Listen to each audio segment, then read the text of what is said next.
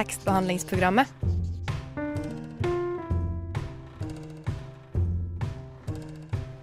Tekstbehandling på radio.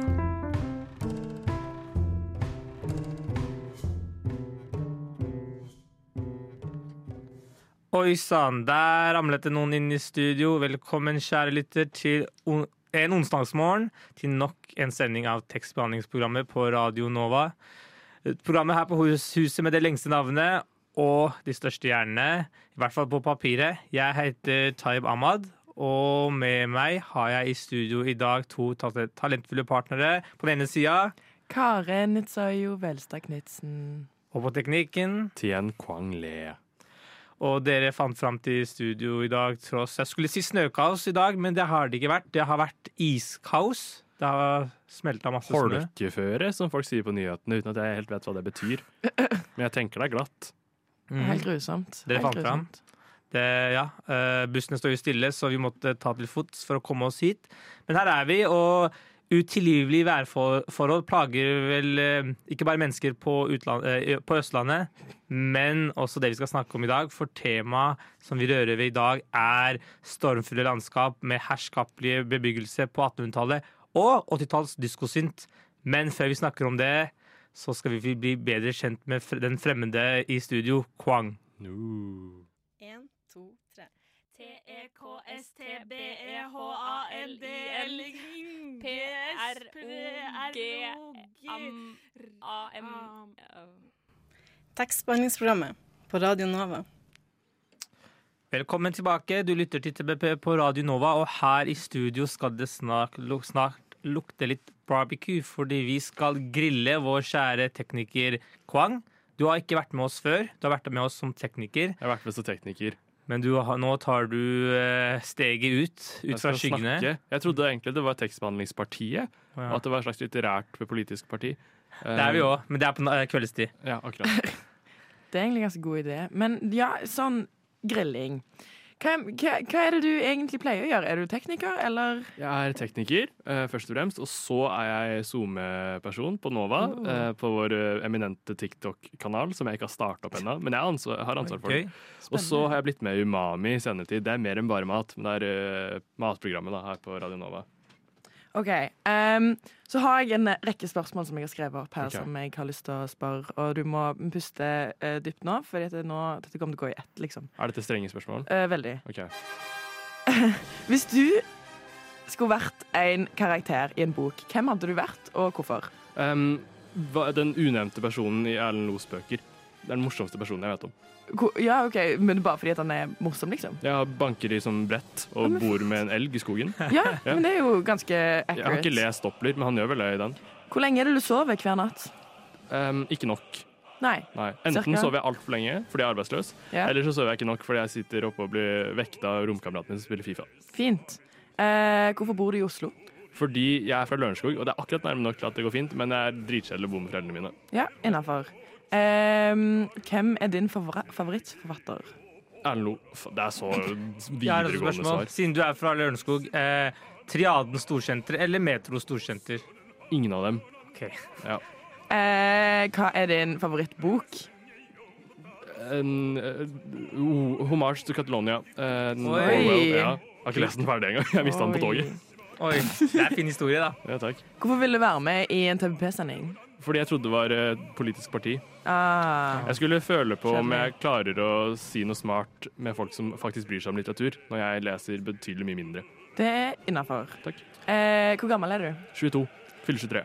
Når du var typ 12 år gammel, hvor mange bøker hadde du lest til da? I hvert fall alle Seiner Rotta-bøkene. Ja, Ja. Eh, Og 1984. fint! Eh, For en kombo. Når ja. var det du fant lesegleden? Um, I fjor sommer. Oi, Mm. ok, Så du er litt sånn ny lesehest? Ja, jeg har, jeg har jo lest, men var, siden i fjor så har jeg lest um, kontinuerlig. Ja, Ja, å, ja, nå har jeg plukket opp en ny bok. Nå har jeg blitt ferdig med en. det er veldig bra. Ja. Eh, har du noen gang opplevd å bli fornya som person etter du har lest en bok? Eventuelt hva bok? Jeg fikk en bok av uh, mormoren til eh, kjæresten min som het Pus. Oi, Som er eh, en bok om en rundbrenner som brenner så mye rundt at han til slutt får kjønnssykdommer. Ja, Av din det- mor eller bestemor, sa du? Bestemoren til kjæresten min. Ja. Altså, det er jo spennende. Det Ja. er, Ja. At du får den av henne, er litt gøy. Det var mye selvrefleksjon etter det, i hvert fall. Hva spiste du i går før du Jeg- gikk og la deg? Um, jeg spiste lammekoteletter på, uh, fra gården til kjæresten min. Det var, Nå sendte jeg et demmende blikk her. Er du Um, vegetarianer? ja. Det er Kate Bush også. Fint! Um, og hvis du skulle valgt eh, å rane én butikk, hva butikk hadde du valgt? Studio Basar. Hvorfor? på Sankthanshaugen. Jeg aner ikke hva de har der, men jeg vet at alle vennene mine snakker om det hele tida, og at det er veldig sånn derre um, kule hipsterforeldre som har barn i barnehage, Oi, handler der. Okay. Og så har de sånn stripete skjerf, tror jeg. Spennende! Ja. Det er jeg tror jeg jeg kan få mye penger for det på Tice, uten Ja, ja, ja. at den skader sjæl. For all del. Mm. Det er skikkelig, skikkelig smart, egentlig. Takk. Det var mine spørsmål. Jeg har et spørsmål, eh, og det er uh, ditt favorittkrydder. Um, hvitløkskrydderet til um, hvitløkspepperet til um, søstrene Grene, som de ikke selger mer. Jeg må på Lillehammer, der har jeg funnet det. Oi, oi, gøy. Ok, fantastisk. Nå har vi blitt, blitt bedre kjent med tekniker Kwang. Og det er jo fint, fordi det er egentlig du som har fått uh, latt oss eh, diktere hva som skal skje i dagens sending. Ja, For har du lyst til å avsløre hvilken bok du leser for øyeblikket? jeg leser, nå hører man lyden av den, Oi. Wuthering Heights av Emily Bronte. Nemlig. Og vi skal snakke om den romanen, og også sangen som kom ut 100 år senere av Kate Bush. Fuck yeah, bro! Jeg hører på tekstbehandlingsprogrammet. Radio Nova. Yes, det gjør du. Du hører på tekstbehandlingsprogrammet på Radio Nova. Og vi har så vidt kommet i gang. Vi skal snakke om en av klassikerne i engelsk litteraturhistorie, vil noen eh, tenke seg.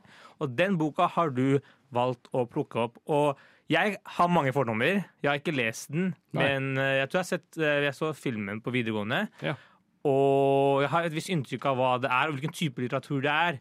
Men jeg har veldig lyst til å på en måte knuse de fordommene, eller i hvert fall bekrefte dem. Så kanskje du kan fortelle oss litt om hva den handler om, og hva greia er. Ja, jeg har en liten oppgave til dere, hvor dere skal behandle teksten litt, på en måte. Um, dere får uh, penn og papir nå. Oi. Og så, eh, ingen av dere har lest noe. Nei. Karen, du har kjøpt den. Jeg har kjøpt den, jeg skal lese den til studiet, men Ja. jeg har ikke kommet så langt. Nei, det er bra du får en innføring nå, fordi eh, i likhet med mange sånne viktorianske bøker hvor man sitter i stuer og prater, så er det mm, dynastidrama i denne. Eh, så for å få bedre oversikt, så bør man lese den med et sånn slektstre ved siden av seg, Ja. eh, som jeg har. Eh, og så skal jeg prøve å fortelle det jeg husker og det jeg ser om slektstreet, så skal dere tegne det ut fra det jeg sier. OK. Ja. Um, fordi et stort problem i denne boka er at det er kun to familier, og alle heter da Mr. og Mrs. etternavn. Og etter hvert som folk dør, så er det nye karakterer som er Mr. og Mrs. etternavn. Ok. Mm. Og så gifter de seg innad i hverandre, så da bytter de etternavn. Uh, Så da plutselig er um, Mrs. Earnshaw blitt Miss Linton. Linton, beklager. Jeg Um, orker ikke det her. Allerede, jeg merker allerede at det begynner å det får vondt i huet. ja. Um, og de, ja, de bytter jo på familier og uh, gifter seg innad og fram og tilbake. Eh, men vi starter med um, Vi starter med at vi har uh, Old Mr. Earnshaw. Okay. Det er familiepatriarken, tror jeg. Jeg tror ikke han er nevnt i boka, faktisk. Og Old Mrs. Earnshaw. Miss? Mrs? Mrs., kanskje? Mrs. Um, som får barn Er dere klare? Skal jeg fortsette? Ja. ja. Som får Hindley Hindley. Earnshaw og Catherine Earnshaw. Ja. Det var Um, Hindley og Catherine. Ja. I tillegg så har vi Old Mr. Linton og eh, eh, Mrs. Linton. Linton. Yes. Um, og så fordi Edgar Linton og Isabel Linton. Edgar og Isabel. Men greia er også at uh, Mr. Earnshaw adopterer Heathcliff. Å ja. Ja. Men det, det var, det var Isabel og Det er ikke lov til å stille flere spørsmål. Okay. Så hvis du ikke, hvis du ikke har hørt noe, så får du ikke mer. Uh, Heathcliff. Heathcliff blir adoptert av Earnshaw, så de, han blir på en måte en bror til Hindley og Catherine. Så han bør da tegnes på én side av dette slektstreet, men han gifter seg også med Isabella Linton, så han skal Oi. også tegnes på andre siden Ja, ja, ja. ja, ja. av slektstreet. I tillegg til at, eh, litt spoiler, han er um, den store kjærligheten til Catherine Earnshaw, som også tegnes i midten av disse familiene. Drama. Hun forelsker seg i sin adoptivbror. Ja, det skjer. Det har jeg sett før. Har vi da. Mr. Earnshaw, Mrs. Earnshaw, Hindley Earnshaw, Catherine Earnshaw, Mr. Linton, Mrs. Linton, Edgar Linton, Isabel Linton og Heathcliff tegnet opp? Ja. Ja. For i tillegg så gifter uh, Hindley seg med Frances. Å ja. Ja. Hvem er det? Jeg vet ikke. Jeg har ikke kommet dit i boka. det er ikke bare jeg som ikke følger med. Greit. Nei. Og så, um, til tross for at eh, Catherine og Heathcliff egentlig er liksom den, deres store kjærlighet, så gifter Catherine seg med Edgar Linton. Å oh nei! Så det er en til forbindelse mellom de igjen. Ja, OK. Ja. Jeg ser den.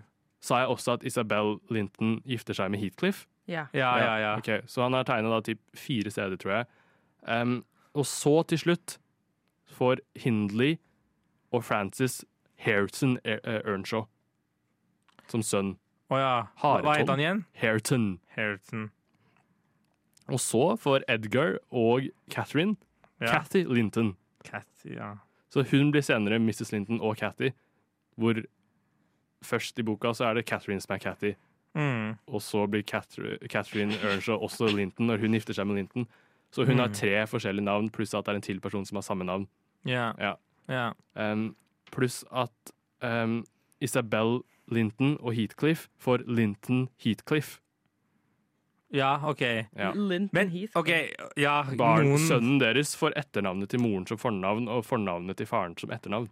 Det er ganske sprekt. Mm. ja, Kan noen dra opp til landsbygda i Storbritannia og fortelle dem å være litt mer kreative med navnene sine, eller er bare gjenbruk her? Mm. Og så til slutt gifter Cathy og Linton seg. Hvilket av dem? Jeg husker vet ikke. Jeg vet det. Jeg vet det. det er jævla incest de luxe her, For det. De er jo fortsatt forskjellige familier, tror jeg. Ja. Ja, ja. Jeg tror ikke det er lov under norsk lov, men det er, det er min mening. Det er egentlig hele plottet til filmen. Det er hvem som gifter seg med hvem. Og at man må prøve å holde oversikt over eh, eh, hvem som da blir den nye Mr. og Mrs. etternavn. Men da er jo, da er jo Cathy og Linton søskenbarn. Nei. Er de Nei, det? men han er egentlig adoptiv. Det er Han er egentlig adoptiv. adoptivsøskenbarn. Men Edgar og Elisabeth er jo søsken. Så det er jo eh, Elisabeth Ja, for Isabel, Edgar- mener jeg. Ja. Edgar og Isa- Isabel er søsken, så da Kanskje. blir det jo uansett søskenbarn. Gjør det ikke det? Nei, jeg skjønner hvorfor folk leser den litteraturen. Det er på en måte hjernetrim samtidig som det er eh, litteratur. Mm. Har du oversikt, Karen? Ja, jeg har det. Ja. Jeg er bare litt sånn vemma. Det er litt ekkelt. Det er litt som å ligge med romkameraten sin. Ja, egentlig. Ja. Eh, og da blir det dårlig stemning i kollektivet. Veldig dårlig stemning. Uh, og i denne boka så blir det dårlig stemning i kollektivet Woodering Heights og Cerntrosh Range. Eh, men oppsummert så er alle disse menneskene halvveis i slekt med hverandre, og så går de inn i forskjellige stuer og, og krangler. Og så er det krangel om hvilke stuer de skal krangle i. Ja. Og så er det krangel om Alle blir jo syke også, for så vidt. Av at de står dramatisk ute i regnet og er kjempelei seg. Og at de er søskenbarn som gifter seg med hverandre. går. Adoptivsøskenbarn. Jeg tror. Karen, jeg tror vi alle trenger en liten pause og en liten, eh, liten sang. sang. puste. Ja, jeg har mista oversikt for lengst. Ja, fint. Men eh, til tross for våre meninger om hva Woodring Heights eh, Om det er, hvorvidt det er bra eller ikke, så var det én dame som lot seg inspirere, og det var på 70-tallet. Ingen ringer inn Kate Bush tok opp denne boka Mm. og lagde definerende musikk. Mamma, pappa, jeg må fortelle dere noe. Jeg hører på tekstbehandlingsprogrammet. Vi hopper 100 år fram i tid og snakker litt mer om Kate Bush, eller Catherine Bush, om du vil. Um, ja, hun har jo vært uh, veldig uh, viktig til både sin tid da, typ 80-tallet, men òg veldig viktig til i dag. Ehm, vi hadde jo den der eh, Du anbefalte deg den der eh, podkasten som eh, var Musikkrommet? Musikkrommet, ja. Musikkrommet Ja. på NRK. Ja, jeg syns det var skikkelig skikkelig gøy. Fordi at det, jeg har jo egentlig bare lest Wikipedia-siden på norsk. Og har forstått hvorfor en ikke skal bruke Wikipedia for å eh, Men iallfall, hun hadde, hun hadde sin debut med 'Wuthering Heights'. Eh, Oppdaga av godeste Pink Floyd-gitarist. Oh, ja. Eh, oh, David Gilmore. David Gilmore. Hun var jo 19 da hun slapp denne. Stemmer det? Ja, jeg, var jo, jeg hadde ikke lest boka engang da jeg var 19. Nei, altså Jeg har Per i dag, nå når jeg er 19, så Nei, sant? Men jeg fant ut også at hun hadde jo ikke lest boka da hun lagde sangen. Hun hadde sett BBC-filmen, og så måtte hun lese boka i etterkant. Det er gøy! Ja, det er veldig gøy. Men ja, hun er iallfall fra en ganske god familie i, fra Irland. Bush-familien, Bush-familien. er presidentskap i USA. Stemmer det. Cirka samme opplegg, tror jeg. Kanskje muligens. Eh, foreldrene var veldig musikkdrevne. Faren Ja. var lege. Eh, men hun var en ung, dyktig folkedanser, som jeg syns er veldig kjekt. Oi. Og når hun da ble litt eldre, så ble hun sett på et type sexsymbol. Og det var litt det de solgte henne som, dessverre. Som var ganske definerende, spesielt for den tiden. Fordi at ja, altså det er jo det er, jo kjempe, Mm. det er kjempetrist når jenter, unge jenter blir, har lyst til å ytre kunsten sin, Ja. og de blir bare sett på som et sexsymbol. Så hun ble veldig sånn eh, stille om seg sjøl, holdt det private veldig privat. Eh, der hun Å, her har du Wikipedia-siden, og dette skal jeg lese opp for dere. Bush har vært veldig nøye med å skjerme privatlivet fra offentligheten. Privat beskrives Bush som vennlig og sympatisk, og samtidig målbevisst og arbeidsom. Hun var eh, 1,60 cm høy.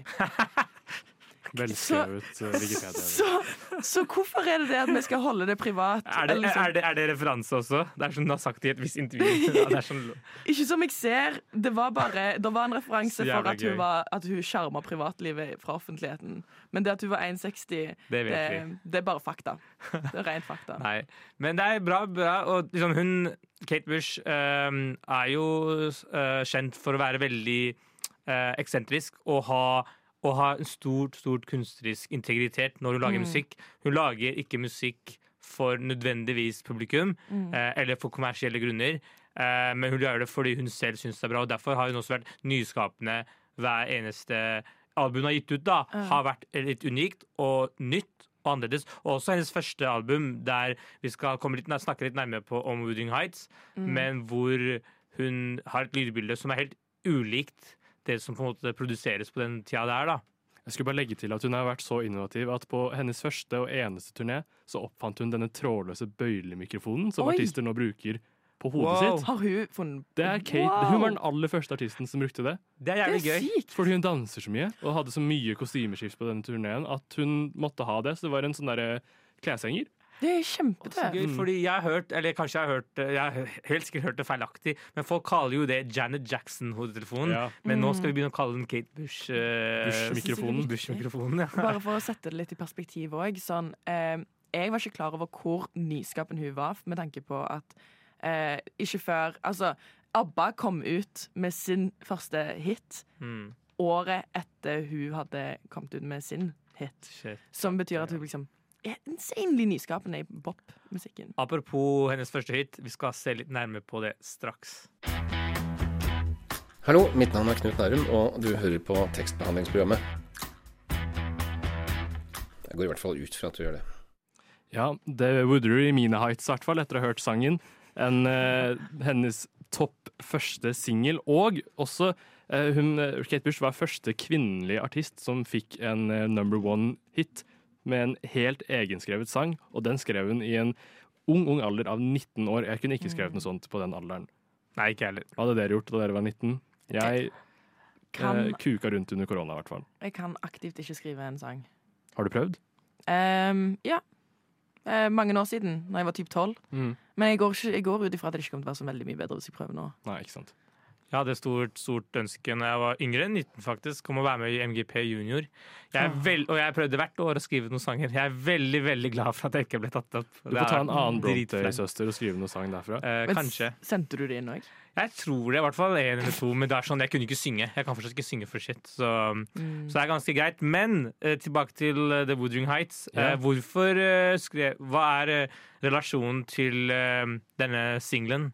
Først og fremst så heter hun jo Catherine, som er kjempegøy, som er hovedkarakteren i, i boka. Ja. Altså Kate Catherine, ikke sant. Mm. I tillegg til at uh, Kate Bush deler bursdag med Emily Bronte, forfatteren av Woodring Heights. Oi. Jeg lurer på om det kan ha påvirket henne, fordi hun så i hvert fall BBC-filmen av Woodring Heights, og så måtte hun lese boka i etterkant. Hmm. Og jeg lurer på om man kanskje ser det litt i teksten, for hvis man egentlig hører på det hun synger, så er det jo ikke, det er ikke så dyp litterær eh, analyse av boka. Det er veldig godt oppsummert på en måte, med at det er Heathcliff Ja, og Catherine. De liker hverandre.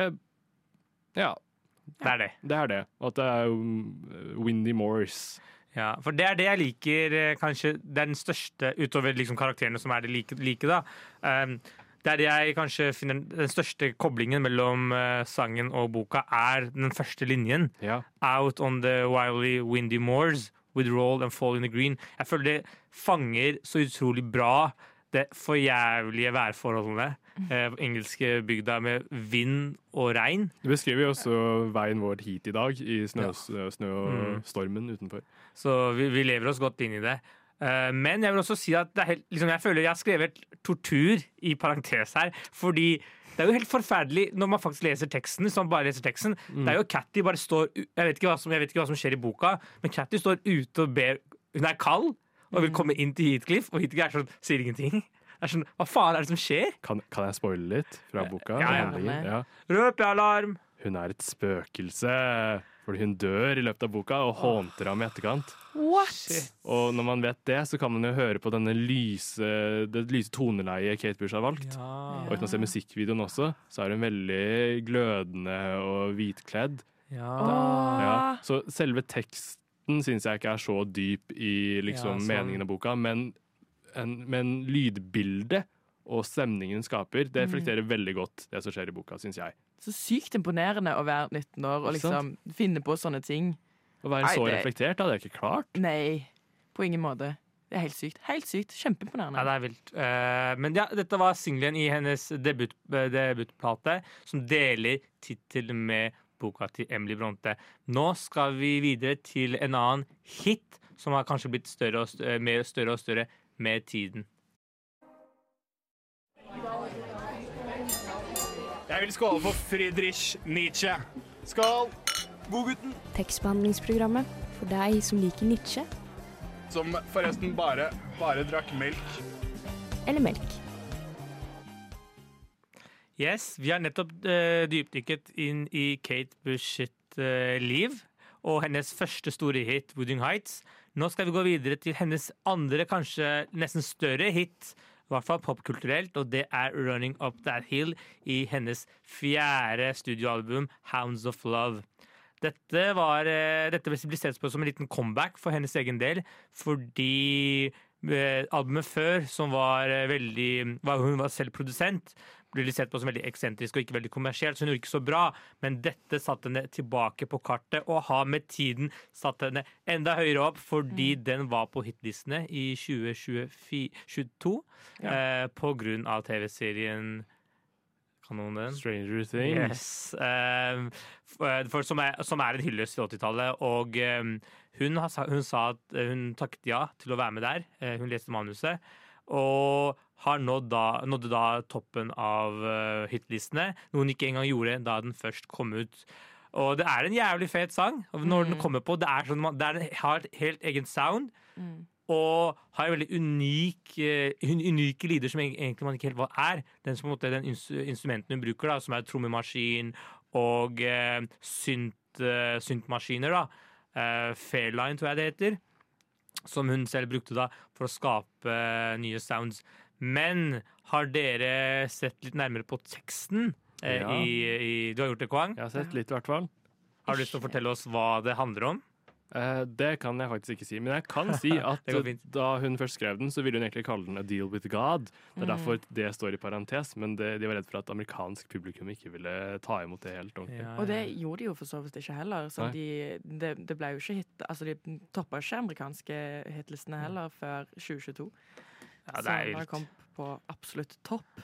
Mm. Som er sykt. Den heter Deal with God fordi teksten handler om eh, et eh, par, to partnere, eh, som, eh, som har lyst til å bytte plass. eh, Fordi de på en måte vel er ulike teorier, men kanskje de ikke forstår hverandre, vil eh, være i hverandres eh, sko. da. Og da forteller Kate, da, som har sangstemme, eh, at hun har Om hun kunne, så hadde hun eh, inngått en avtale med Gud for å se hverandres perspektiv. Som er litt fint, egentlig. Mm. Eh, Kanskje og, den ene partneren er på Woodring Heights, den andre er på Grangen. Og så må de bytte. Men de kan ikke, for det er så mye storm. Å nei. Å nei. Og så må de snakke i stua. Nei, det er feil sang, det. Ja, eller så er det at hun har lyst til å bytte plass med Emily Bronte. Ja. Gå tilbake 100 år, så kan Emily komme inn i fremtiden og se hva, hvordan 80-tallet ser ut. Og så kunne Kate Bush dø i en alder av 30 nå, fordi drikkevannet deres var kontaminert fra gravplassen de bodde ved. Nei, det er veldig fint. Det er veldig fint. Men eh, nå skal vi ha litt eh, tenker jeg vi skal ha litt minidyk eh, Skal til skolebenken og ha en liten minidiktanalyse. Fordi ok, Hvis vi skal sammenligne, disse tekstene og drøfte litt, hva er det de handler om egentlig? Har de noe til felles? Uh, og jeg har funnet, funnet noe, det handler om at hun synger om sånn kronglete parforhold. Litt, Ja. sånn, litt, sånn, litt sånn Man blir sånn irritert, man blir sånn sur selv om man er glad i vedkommende. Mm. Uh, og det kommer veldig i uttrykk i Woodring Heights, og det er jo hele Woodring Heights handler om kronglete parforhold hele veien. Mm. Uh, og også den ved Deal with God, da, at man har lyst til å bytte plass. Eh, og jeg liker også en veldig fin tekst hvor, det er, hvor hun sier den der delen hvor hun sier sånn her Oh, come on, baby. Oh, come on, darling. Let me steal this moment from you. Liksom ta, ikke bare øyeblikket, men også la meg ta det slik at jeg kan ha det. La oss Mm. bytte plass. Og videre også Let's exchange the experience. Um, Det er så Og fint. det er, ja, det, det er helt fantastisk. Uh, og lenger ned også så har man Her har jeg funnet to setninger som på en måte er fra hver sang, Mm. men som egentlig er, sier akkurat det samme. Og i Woodring Heights så sier hun Nei, i Running Up That Hill så sier hun Is there, uh, is there no such hate for one Is there so much hate for the ones we love? Spørsmålstegn.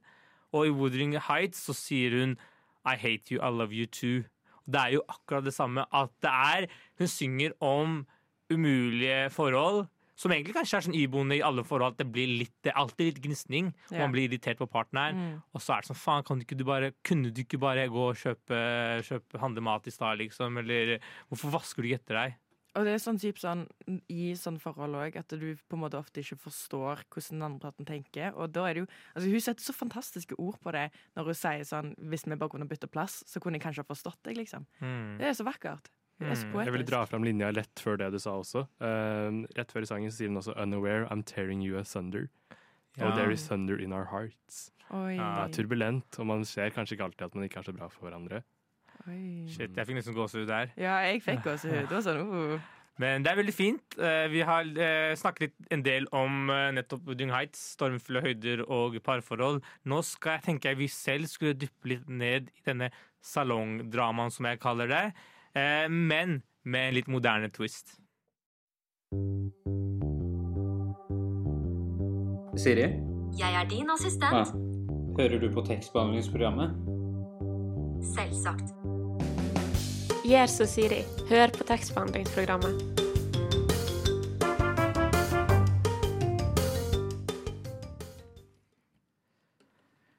Det slutter ikke å snø i østlandsområdet på starten av herrens år 2024. Biler, busser og folk ligger spredd utover veiene mens snøflakene daler ned. Det er første dag på skolen etter ferien. Jonathan vet hva han skal si når noens venner spør om hva han har gjort på ferie til ferien. Selv om han egentlig har ligget syk, så kan han late som han har vært ute og festet for å være tøff. Jessica på den andre siden prøver å holde lav profil, for hun har snakket med eksen sin, på eksen til Jonathan på Snap. Og Jonathan har fått mistanke. De to møtes etter tredje time i kantina. Så Jonathan, hva har du gjort på i Hva har du gjort, gjort på i ferien? Jeg har vært på Miami Beach og festa, så klart. Du har det? Ja. Hvorfor lurer du, Jessica? Jeg, nei, men bare, jeg bare tenker litt, og altså, du, du ser ikke sånn helt på topp ut. Jeg, Det var jævlig mye coke der og sånt, og jeg tok kegflips hver dag. Da blir man litt sliten, eller hva, Jessica? det er vel eh, for så vidt sant. Hva slags kegflips mener du? Sånn eh, som jeg har sett, som man alltid ser i amerikanske filmer, hvor man har sånne store tønner med øl, for jeg kan ikke drikke noe annet. For jeg må bli 21 for å få tak i ordentlig alkohol. Hva er det, hva er det dere gjør her, da? Hva, hva har dere gjort i ferien? Nei, jeg har jo vært og festa, som sagt. Jeg har ikke vært hjemme og vært syk, i hvert fall. Jessica, hva har du gjort? Nei, jeg har eh, Jeg har eh, kanskje også festet litt eh, på Venice Beach, faktisk. Eh, men jeg er jo veldig glad for å være tilbake på Det er så bråkete her. Skal vi, skal vi gå et annet sted og snakke, eller? Jeg hører ikke hva du sier. Vi kan gå til den andre kantina. Denne kantinen var mye bedre. Det er bra vi har to kantiner på Woodring Heights Junior High. Det, jeg er veldig fornøyd med Woodring. Junior High. Woodring Junior Ja, jeg er veldig, Skal veldig dere på utveksling neste år, eller? Jeg tror jeg skal til Europa, i hvert fall. Gøy. Har du bestemt deg hva du, hva du skal gjøre der? Være i Europa. Jeg kan ikke noe mer enn det. Jeg elsker Europa. Ja. Europa er jeg, har, jeg har trening nå, jeg, så jeg må løpe. Vi ses på gymmen etterpå, da. Snakkes! Jeg så du har chatta med Joseph, Jessica. Skal du prøve å invitere ham til prom, eller er det det som er planen? Jeg bare har et godt, godt forhold med han. Vi bare, vi bare, vi er bare kompiser, liksom. Jeg, først fatter ikke hvorfor han er så sjalu. Har du snakket med ham i stua eller på kjøkkenet?